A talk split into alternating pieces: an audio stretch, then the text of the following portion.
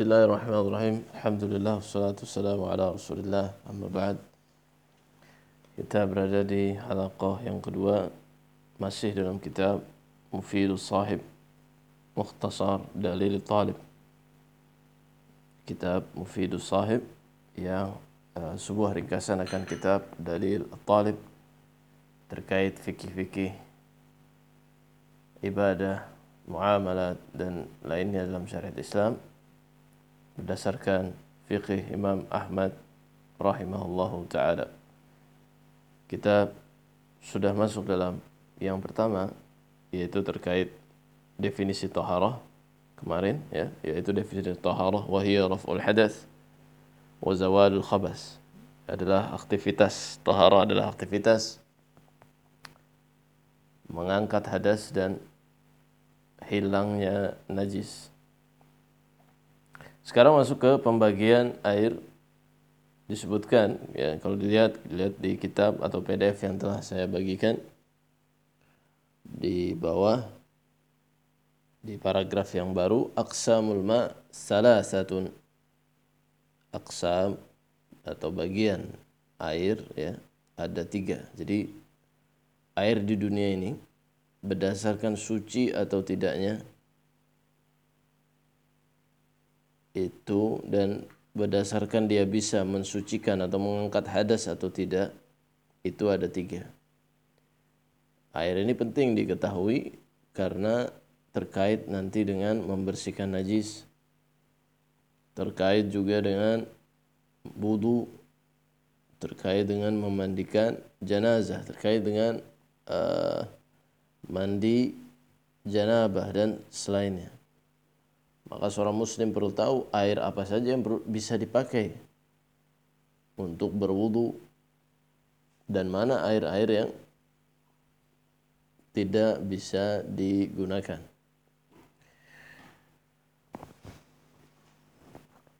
Di sini dikatakan aqsamul ma salasa aqsam bagian air ya atau air itu terbagi menjadi tiga. Salasa itu artinya tiga. Yang pertama at-tahur. Yang pertama at-tahur. Tahur ya.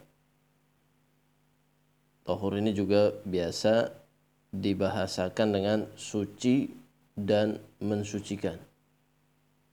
At-tahur biasanya diartikan ya kalau kita mengikuti kajian-kajian atau terjemahan biasanya terjemahan dengan suci dan mensucikan. Dalam artian airnya suci, bukan najis ya.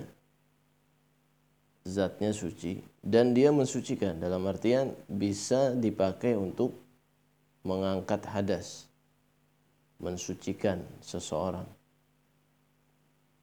Ya karena ada air atau cairan yang dia suci tapi tidak dapat mensucikan. Maka yang tahur ini suci dan mensucikan. Inilah tahur inilah yang bisa dipakai untuk mengangkat hadas dan membersihkan najis. Tohur inilah yang dapat membersihkan hadas, mengangkat hadas dan membersihkan najis. Dalam artian wudhu, mandi janabah itu hanya bisa memakai air ini, kategori ini. Ya. Contohnya adalah air sumur misalnya, air hujan, ya, air laut, ya, intinya air-air yang Allah ciptakan, entah dia dari langit atau entah dia dari bumi, maka selama itu disebut air, maka itu boleh dipergunakan. Itulah yang disebut dengan at-tahur. Disebut dengan at-tahur. Misalnya kalau kelapa bagaimana? Itu meskipun warnanya putih, tapi itu bukan air. Ya, mungkin kita aja menyebut air, tapi kan biasa lebih tepat disebut dengan sari, ya kan? Sari kelapa. Ya, tapi di bahasa Arab itu tidak dikatakan air. Nah, uh, di sini uh, kita lihat tadi setelah tahur ya ada koma di situ, setelahnya uh, ada kalimat yang baru wahua ya arba'atu anwa. Tahur ini arba'ah arba'ah itu empat anwa itu macam anwa'un. Wa huwa arba'atu anwa'un. Uh, arba'atu anwa' ya bukan anwa'un nah arba'atu anwa' uh, jadi dia empat macam. Anwa' itu macam. Jadi tohur ini dibagi lagi menjadi empat uh, titik dua muharram haram hukumnya. Dalam artian tidak boleh dipakai ya. Dia suci ya. Tapi tidak boleh dipakai. Yaitu air gosop. Air yang dipang air yang di air gosop atau air curian. Atau air yang dia diwakafkan untuk berwudu uh, untuk minum ya tapi dipakai untuk wudhu ya misalnya orang berwakaf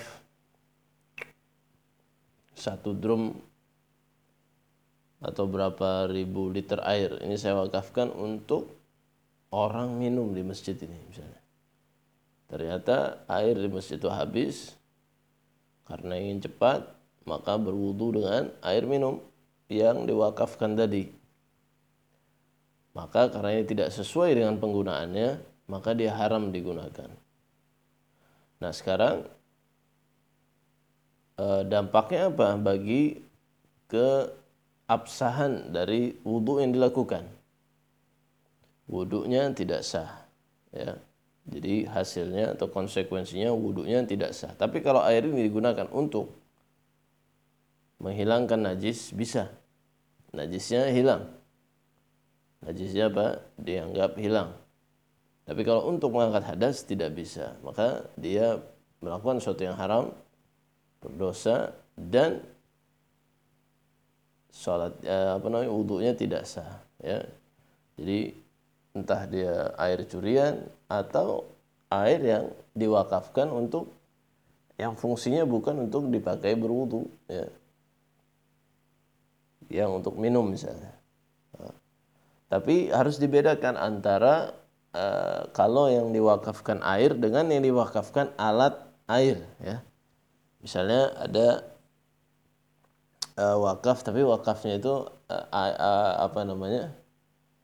Uh, apa istilahnya seperti apa namanya yang orang jualan galon itu ya.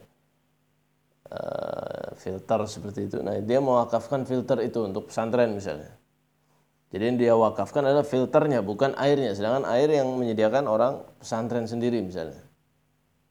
Nah maka apakah air yang sudah terolah misalnya karena di masjid habis air, sedangkan di air minum itu ada, apakah boleh dia memakainya? Ya, Allah alam. Tapi beberapa ulama, uh, Syekh Suair, ya salah satu Syekh Abdul Salam namanya, Abdul Salam Suair, membedakan antara kalau wakafnya itu yang diwakafkan airnya, maka ini ini yang masuk tadi apa? Tohur yang haram, yang tidak sah. Tapi kalau misalnya yang diwakafkan adalah mesinnya, ya mesin pom filternya yang sehingga air yang dari sungai yang uh, apa namanya, yang kotor bisa menjadi jernih dan sehat dan siap untuk diminum, maka ini tidak termasuk yang tadi sehingga sholatnya tetap uh, wudhunya sah. Nah, uh, Muharram lalu yang ini yang pertama. Tadi kan empat macam ya. Yang kedua di situ lihat ada koma wa makruhun dan yang makruh.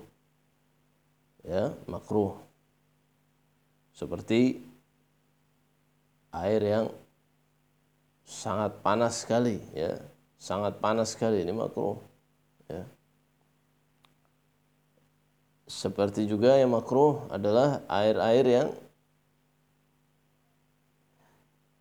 yang tercampur dengan benda yang tidak larut di dalam air yang masih kita bisa membedakan mana yang air mana yang bukan. Tapi dia menimbulkan perubahan. Ya seperti misalnya air berubah e, dengan kapur misalnya. Tapi bukan kapur yang sudah ditumbuk ya kapur yang masih utuh ya.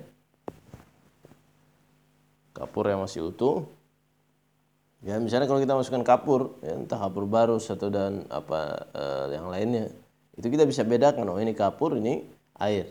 Tapi ada bau pasti kan bau yang berubah di air tersebut. Ya.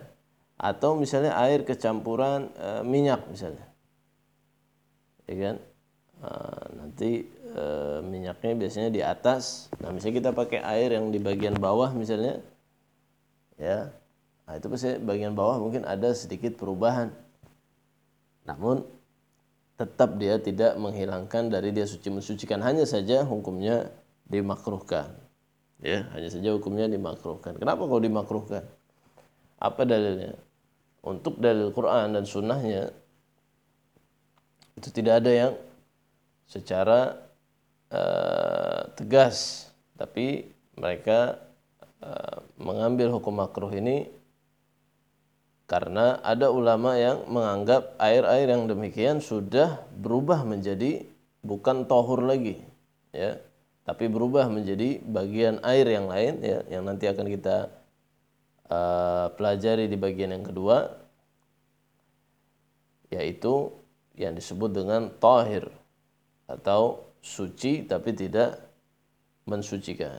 Suci tapi tidak mensucikan karena ada demikian nah untuk sebagai bentuk kehati-hatian maka dimakruhkan. Meskipun kalau memakai air tersebut sah saja ya.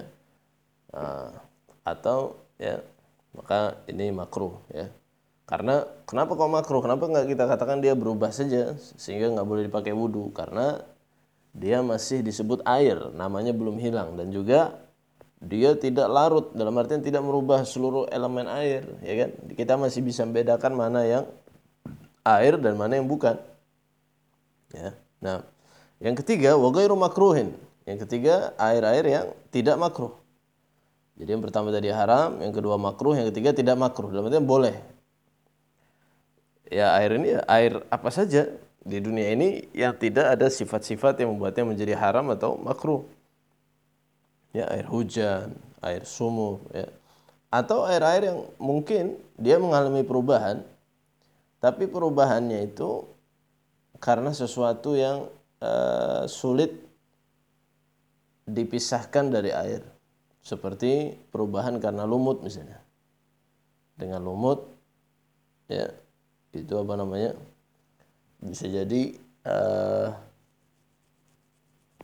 lumutnya apa warnanya berubah jadi hijau dan sebagainya berubah warna airnya maka tetap boleh dipakai berwudu sah tapi apakah dia makruh atau tidak makruh jawabannya tidak makruh jadi dia tidak makruh meskipun ada perubahan dan juga dia tetap suci dan mensucikan meskipun ada perubahan. Kenapa? Karena perubahannya karena sesuatu yang sulit dipisahkan dari air ya. Kalau yang tadi perubahan karena kapur kan tidak sulit, maksudnya kalau kapur tidak ada yang memasukkan kapur ke dalam air ya tentu air itu tidak akan mengandung kapur Beda dengan lumut, ya sulit sekali menjaga lumut ya kan. Dia kena matahari sedikit tumbuh lumut di air, ya. Uh, atau tanah misalnya perubahan dengan tanah sehingga warnanya jadi coklat misalnya. Maka ini perubahan-perubahan yang disebabkan dengan sesuatu yang sulit sekali berpisah dengan dipisahkan dengan air. Dan ini perubahan demikian tidak menjadikan air menjadi tohir atau suci tidak mensucikan dan juga tidak menjadikannya makruh. Dalam artian boleh saja dipakai ya. Kalau makruh tadi boleh dipakai sah tapi hanya saja kalau ditinggalkan maka lebih baik. Kalau ini tidak ya silahkan dipergunakan Bugairu makruh. Wama yarfa'u. Nah ini ada lagi yang keempat yang merupakan keunikan dari madhab Imam Ahmad atau madhab Hambali ya yaitu wa ma yarfa'u hadasil unsa faqat yaitu air yang dia hanya mengangkat hadas dari wanita saja ya wama ma ya dan apa-apa maksudnya air ya yarfa'u yang mengangkat hadas ya hadas al unsa wanita fakat saja ya. Jadi kita terjemahkan secara lengkap yaitu air Yang dia suci, mensucikan, tapi dia hanya bisa mengangkat hadas wanita saja. Tapi kalau untuk laki-laki, enggak. Ya. Kalau untuk laki-laki apa? Enggak. Nah, air apa ini? Air macam apa? Yaitu air yang sebelumnya digunakan wanita, ya. Air di dalam wadah yang sebelumnya ya, air tersebut sebelumnya ya uh, wadah tersebut digunakan oleh seorang wanita yang berkesendirian di dalam ruangan. Ya. Wanita dewasa yang sendirian dalam ruangan yang melakukan toharoh secara ya secara sempurna. Nah, mungkin agak ribet ini ya. Jadi yang pertama ada wanita ya, ini syaratnya wanita sendirian di dalam sebuah ruangan ya. Lalu yang ketiga memakai apa? Memakai air tersebut secara sempurna wudhunya atau mandi janabahnya sendirian. Dalilnya eh, apa misalnya mungkin misalnya misalnya katakanlah seorang ibu ya berwudu di memakai misalnya eh, bak atau memakai ember misalnya. Embernya kecil misalnya ya. Lalu berwudu di ember ini berwudu di ember uh, tangannya langsung dimasukkan ke ember tersebut misalnya ya untuk menciduk ya tidak pakai gayung misalnya. Uh, ibu itu sendirian misalnya wudhunya di kamar mandi misalnya. Sudah selesai sampai kaki ya lalu dia keluar.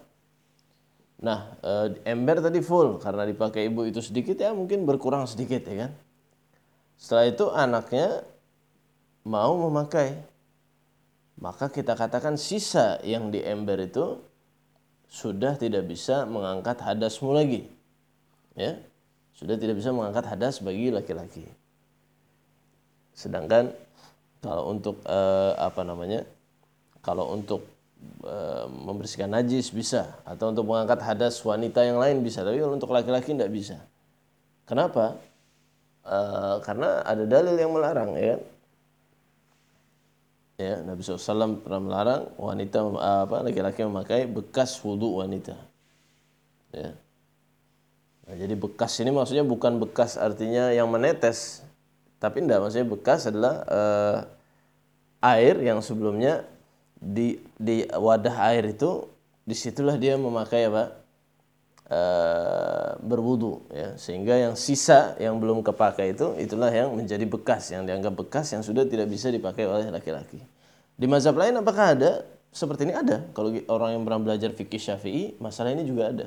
Hanya saja mereka memakruhkan tidak sampai menganggap uh, tidak sah wudhunya seorang laki-laki dari air tersebut. Nah, sekarang caranya supaya air tersebut masih bisa dipakai oleh laki-laki. Gimana caranya? Ya caranya jangan biarkan dia sendirian. Dilihatin. Ya. Dilihatin berdua atau bareng wudhunya dan sebagainya. Ya.